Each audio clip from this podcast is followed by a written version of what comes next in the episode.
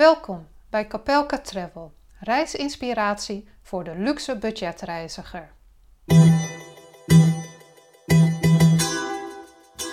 Dit is alweer de derde aflevering die gaat over onze treinreis van Nederland naar Venetië. In de vorige twee afleveringen heb ik vooral gesproken over de eerdere etappes, onze reis naar München en verblijf in München en vervolgens onze doorreis naar Verona, waar we ook nog een aantal dagen hebben doorgebracht. In deze derde en laatste aflevering over onze treinreis naar Venetië komen we aan in Venetië. En ik vertel ook heel graag iets meer over waar je op moet letten als je een dergelijke treinreis gaat boeken.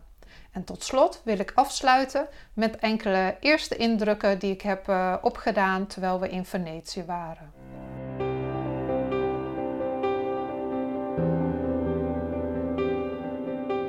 We vertrokken uit Verona met de trein naar Venetië. Dat was slechts een treinreis van anderhalf uur en het kaartje was ook super goedkoop, maar 9,50 euro. De treinreis zelf was niet zo heel erg spannend, moet ik eerlijk zeggen. Um, we reden vooral langs industrieterreinen, um, fantasieloze dorpjes. En ja, totdat je uit het station zelf stapt van Venetië, zie je eigenlijk ook niks van Venetië. Want je komt overland aan, je gaat dan over een soort van dijk, ga je naar Venetië toe. Dus je, je loopt of je rijdt eigenlijk naar Venetië. En als je aankomt, heb je nog niets van de stad gezien. We moesten daarvoor eerst het station uitlopen. En toen we daar buiten kwamen, ja, toen lag Venetië gewoon aan onze voeten. Uh, we zagen een kanaal, uh, we zagen de vele stijgers voor de verschillende vaporettes, ofwel de waterbussen, om daar aan te leggen. En natuurlijk een mooie brug die ons uh, richting de stad zou brengen. We hadden een Airbnb geboekt, ergens tussen het station en de Rialtobrug in. En we hadden twee opties om daar te komen. We konden de Vaporette nemen, dat zou ons 7,50 euro kosten. Of we konden al wandelend naar ons appartement toe gaan. En wij hebben ervoor gekozen om te gaan wandelen. Waarom? Deels vanwege het geld een klein beetje, maar vooral omdat we Venetië wilden proeven en ruiken en voelen. Dus we konden niet wachten om ja, echt in Venetië zelf te zijn. Dus we wilden niet op het water zijn, we wilden in Venetië zelf zijn. Dus daarom hebben we de benenwagen genomen, om het maar zo te zeggen, en zijn we de stad ingegaan. Het was een wandeling van 12 minuten. Ik had van tevoren al wel uh, op Google Maps uh, de route vastgelegd en een beetje al goed bekeken. Want ik was gewaarschuwd voor het feit dat um, de GPS niet altijd goed in Venetië werd. In Venetië zijn die straatjes zo smal en er staan zoveel betonnen huizen eigenlijk dat uh, de GPS niet altijd er goed doorheen komt. Dus soms plaatst hij je paar meter naar links, naar rechts, naar onderen of naar boven. Dus daarom dat we ervoor gekozen hebben om, uh, ja, heb ik het van tevoren eigenlijk gewoon een beetje uitgezocht. En dat was goed. We zijn in één keer goed gelopen. We kwamen ook door een super smal straatje die ik bijna gemist had als ik de GPS niet had gehad. Aankomst bij de Airbnb ging prima en we hebben een goede start gehad van onze zevenweekse verblijf in Venetië. We zijn er lang geweest en ik kan dus ook heel veel vertellen over wat er te zien en te doen is in Venetië en wat ik je wel en niet zou aanraden om te doen. Maar dat gaat komen in een aantal andere podcasts. Nu zal ik vooral eerst even nog wat tips en suggesties geven voor als je deze treinreis ook zelf zou willen maken.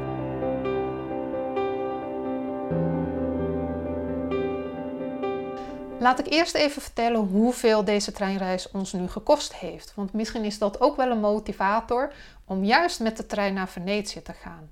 Want de hele reis met de trein die we hebben genomen heeft ons in totaal maximaal 100 euro per persoon gekost. Ik weet niet meer het exacte bedrag, omdat ik niet meer ja, de exacte bedragen weet wat we betaald hebben. Maar ik weet wel, we hebben voor onze reis van uh, naar München het meeste betaald. Dat was, als ik het terugreken, ongeveer 60 euro. En voor die 60 euro hadden we wel twee keer een zitplaatsreservering in een trein. En dat was een treinreis van 9 uur. Dus ja, het is best wel een eindje voor relatief weinig geld. Van München naar Verona hebben wij 40 euro betaald. En het laatste stukje dus nog geen tientje. Dus ja, we waren zo'n beetje 100 euro per persoon kwijt voor onze treinreis naar Venetië. Ik vind dat geen geld. En ik vind het helemaal geweldig als je je realiseert dat je niet van tevoren hoeft in te checken op een luchthaven. En dat je daar eerst nog weer naartoe moet reizen.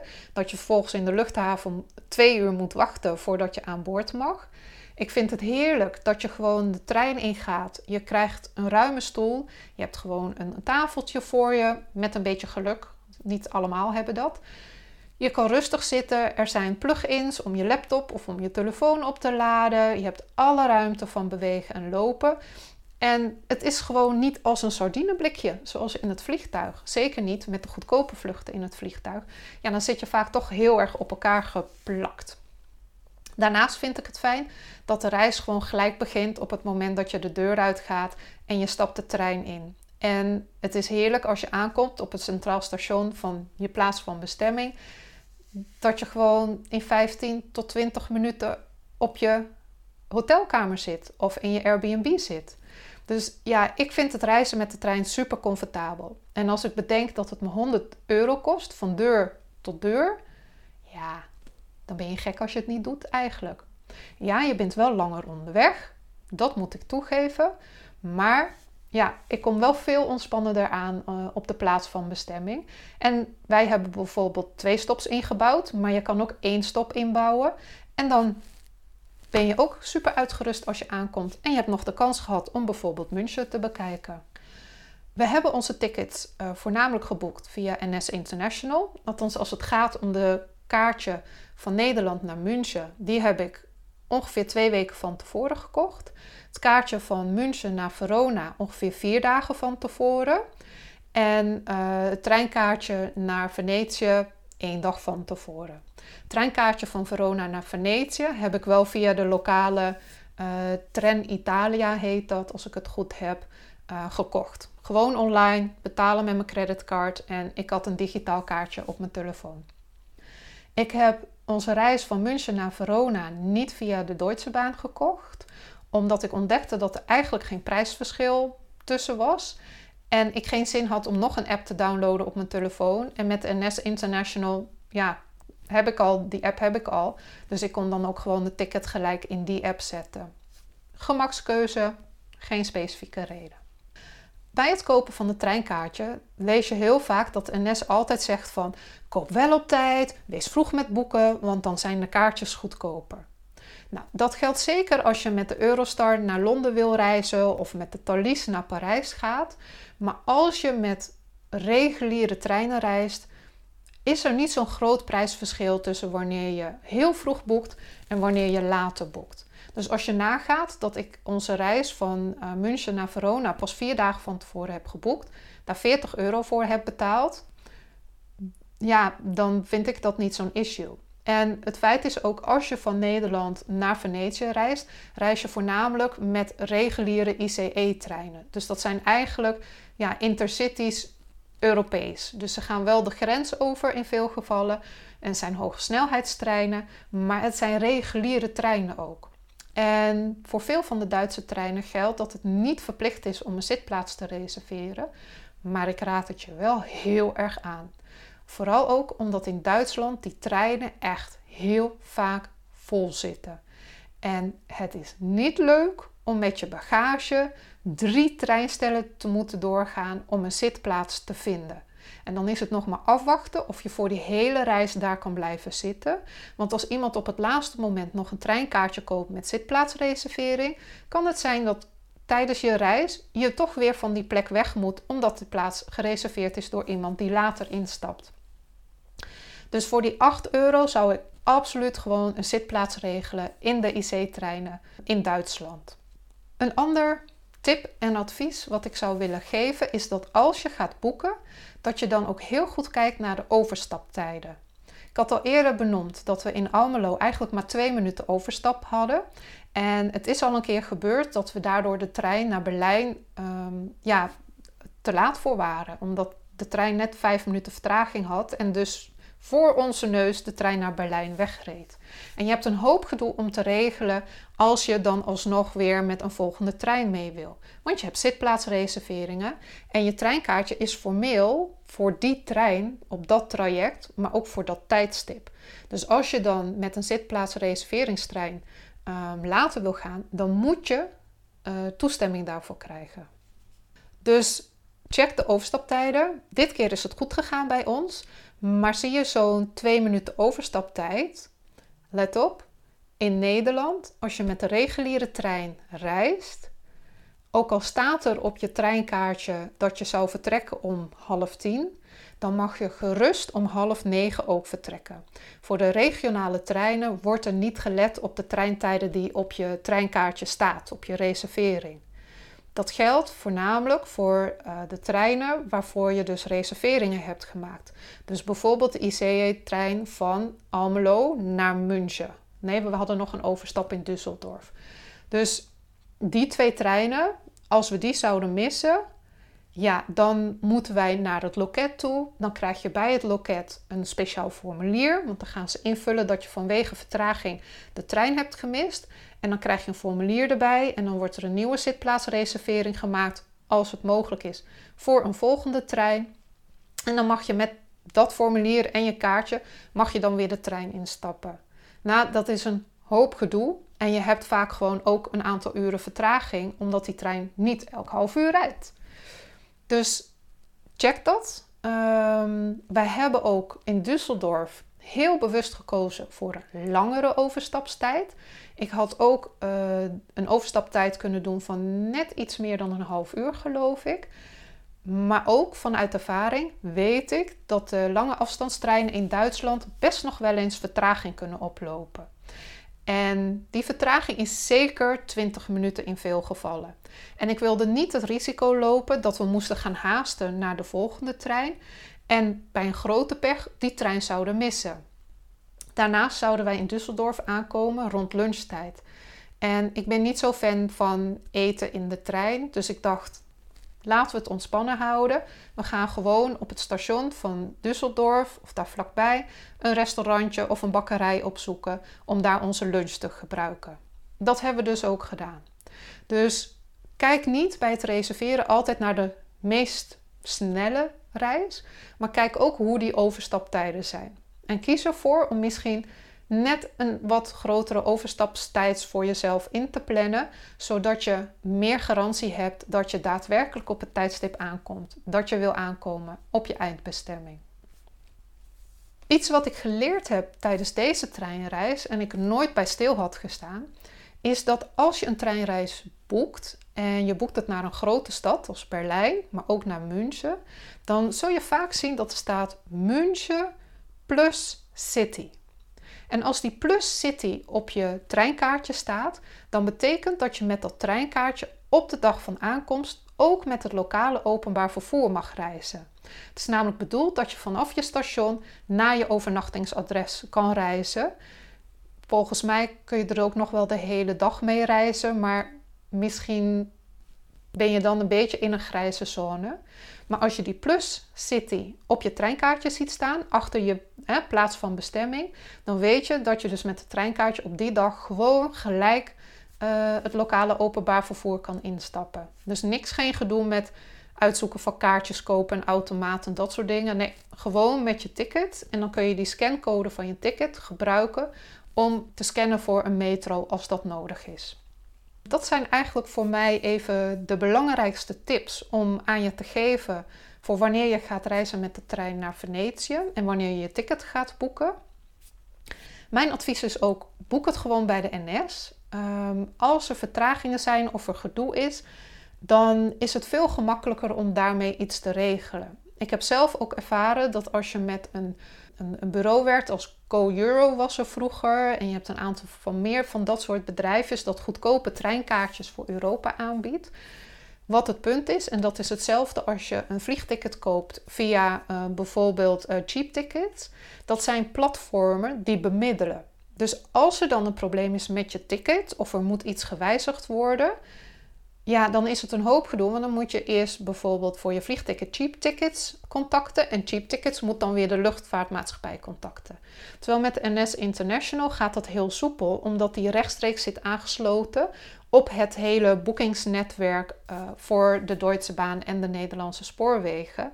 Dus je, ja, mijn ervaring is, is dat als je dan gaat bellen met NS International, dat je veel sneller en veel beter wordt geholpen dan als je uh, boekt via zo'n tussenpersoon.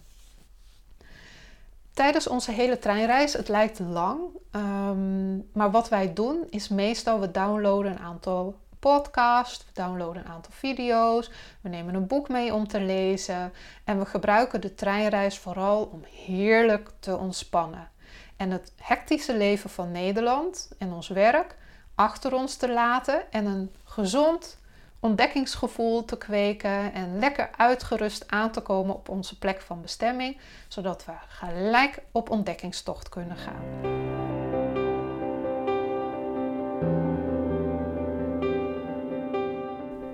Wat vinden we van Venetië en hoe is Venetië in coronatijd?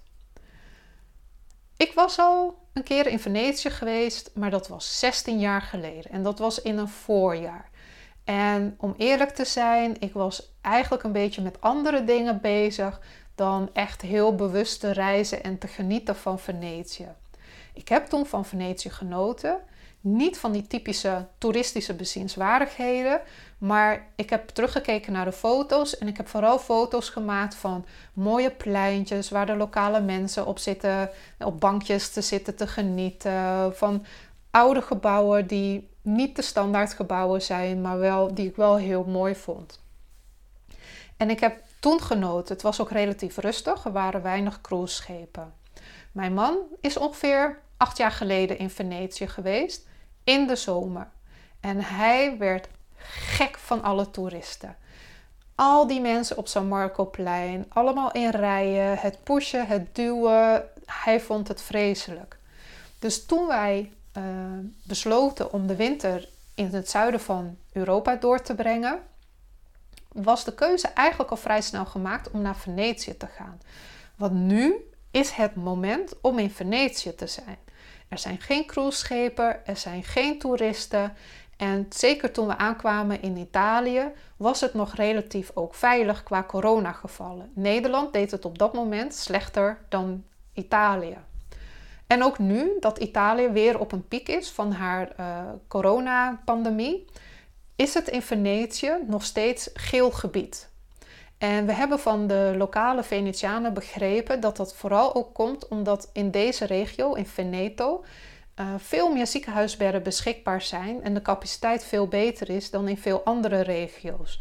Waardoor er misschien best wel wat besmettingen hier zijn, maar men kan het nog opvangen binnen de reguliere ziekenhuizen. Dus wij hebben geluk. Ondanks dat sommige delen van Italië weer helemaal in lockdown zitten, kunnen wij hier in Venetië gewoon rondwandelen. De bars en de restaurants zijn open tot 6 uur en daarna mogen ze uh, deliveries doen. We kunnen dus gewoon nog op een terrasje buiten zitten en een drankje doen. We mogen gewoon met de waterbus reizen. We mogen ook vrij reizen. Uh, we mogen de hele dag buiten zijn, tot 10 uur s avonds. Maar goed, met dit weer, het is toch al een beetje koud, gaan wij echt niet om tien uur s'avonds nog buiten lopen. Dus ehm, ja, wij ervaren relatief weinig ongemak uh, van de pandemie hier. Ja, we moeten de hele dag een mondmasker dragen.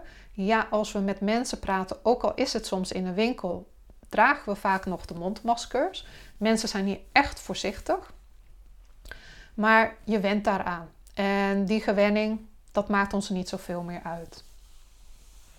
En de eerste indrukken, ja, het is gewoon prachtig nu dat het zo stil is en met weinig toeristen. We hebben alle tijd om gebouwen te bekijken. We kunnen door de kleine straatjes wandelen. We kunnen van alles zien en beleven. En ja, we voelen ons wel echt bevoorrecht dat we op dit moment in Venetië zijn.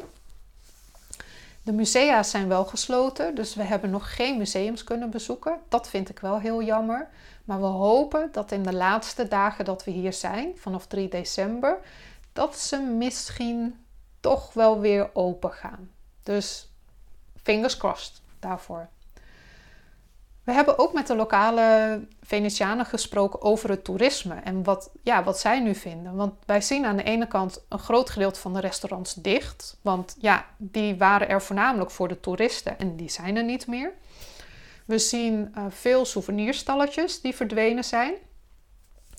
En um, we zien ook de gondeliers gewoon de hele dag eigenlijk staan. En er gaat af en toe nog wel iemand mee in de gondelaar, maar het zijn er niet veel. Dus we hebben ook aan de lokale Venetianen gevraagd van hoe kijk je nu naar de toekomst? Wat wil je? Wat verwacht je? En we horen daar eigenlijk best wel wisselende verhalen over.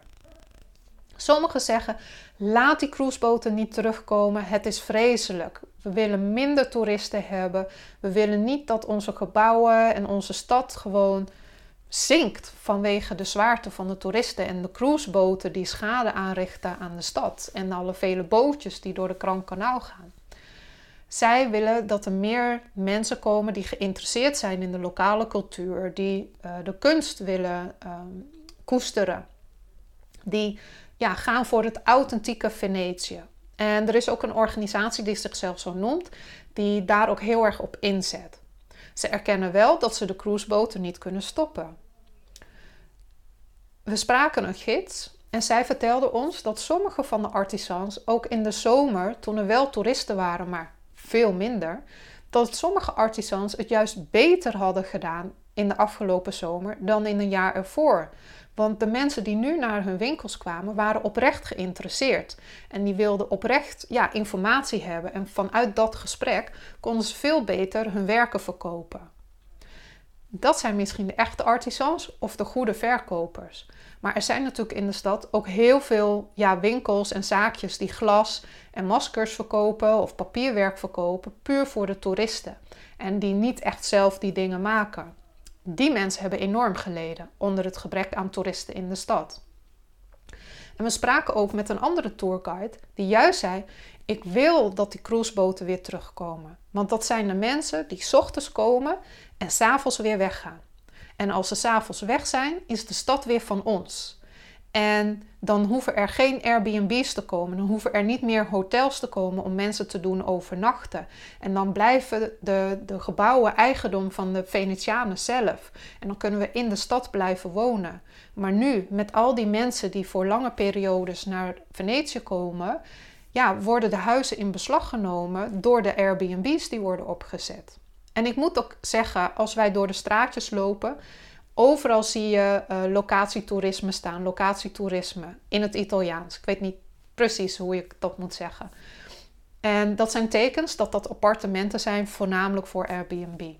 En we spraken ook een uh, docent die ons vertelde dat veel van haar internationale studenten niet in Venetië kunnen blijven, omdat de, de woningen voor Airbnb zijn uh, ja, vastgezet en te duur zijn voor hun om te huren. En dat sommigen helemaal naar Padua gaan om daar te verblijven en dan elke dag, als er school is, reizen naar Venetië.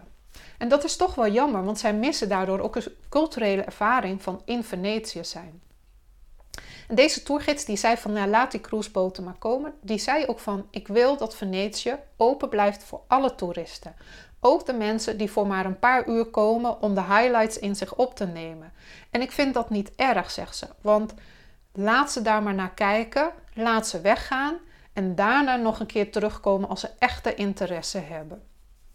En dat zijn ook andere toeristen. Dat vertelde een uh, waar we mee spraken. Die zei van ja, ik maak onderscheid in toeristen en reizigers. En de toeristen zijn de mensen die een paar uur in de stad verblijven en daarna weer weggaan. Daar heb ik niet zoveel mee, vind ik allemaal prima. De andere kant, de travelers, ja, die vond hij interessant. Want dat zijn de mensen die echt geïnteresseerd zijn in meer dan de typische toeristische bezienswaardigheden. Die meer willen leren van de geschiedenis en van de cultuur van Venetië. En ik vond dat hij dat mooi verwoordt, dat het twee verschillende groepen toeristen zijn. En voor mij geldt dat ook. Want ik moet eerlijk zijn. Ik ben zo'n reiziger. En ik ben ook nog een luxe budgetreiziger. Die niet veel uitgeeft. Dus ik huur hier een appartement. Ik betaal daar een bedrag voor. Daar wordt mijn gastvrouw blij van. Want die heeft een extra inkomen. Maar ik ontneem daarmee een woning voor een lokale bewoner. ik geef niet veel uit. Wij winkelen hier vooral in de lokale supermarkt. Ehm, we gaan af en toe een drankje doen in een barretje. We reizen met de Vaporette, maar daarin nemen we ook eigenlijk ruimte in beslag voor de lokale Venetianen. Alhoewel we wel meer betalen dan de lokale Venetiaan voor een uh, bootritje. Dus aan ons verdient de stad niet veel.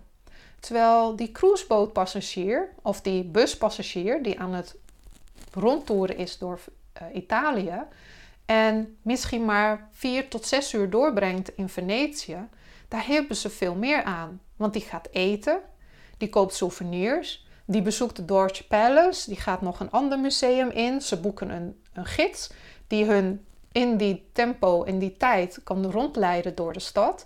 Dus deze mensen geven veel meer geld uit naar verhouding in die 4, 6 uur dan misschien ik en mijn man hebben gedaan in de afgelopen 7 weken. Dat is een interessante vergelijking. En een stad als Venetië, dat qua inkomen eigenlijk compleet afhankelijk is van het toerisme, zijn dat hele spannende dilemma's en vraagstukken. En er is geen goed antwoord op. En daardoor is mijn eerste indruk van Venetië, ja, persoonlijk vind ik het geweldig om nu hier te zijn, om de stad te beleven, om het lokale leven ook te zien, juist nu, want ik weet nu dat bijna iedereen die hier rondloopt, woont hier. Maar aan de andere kant, ja, heeft deze stad een enorm gebrek aan inkomsten.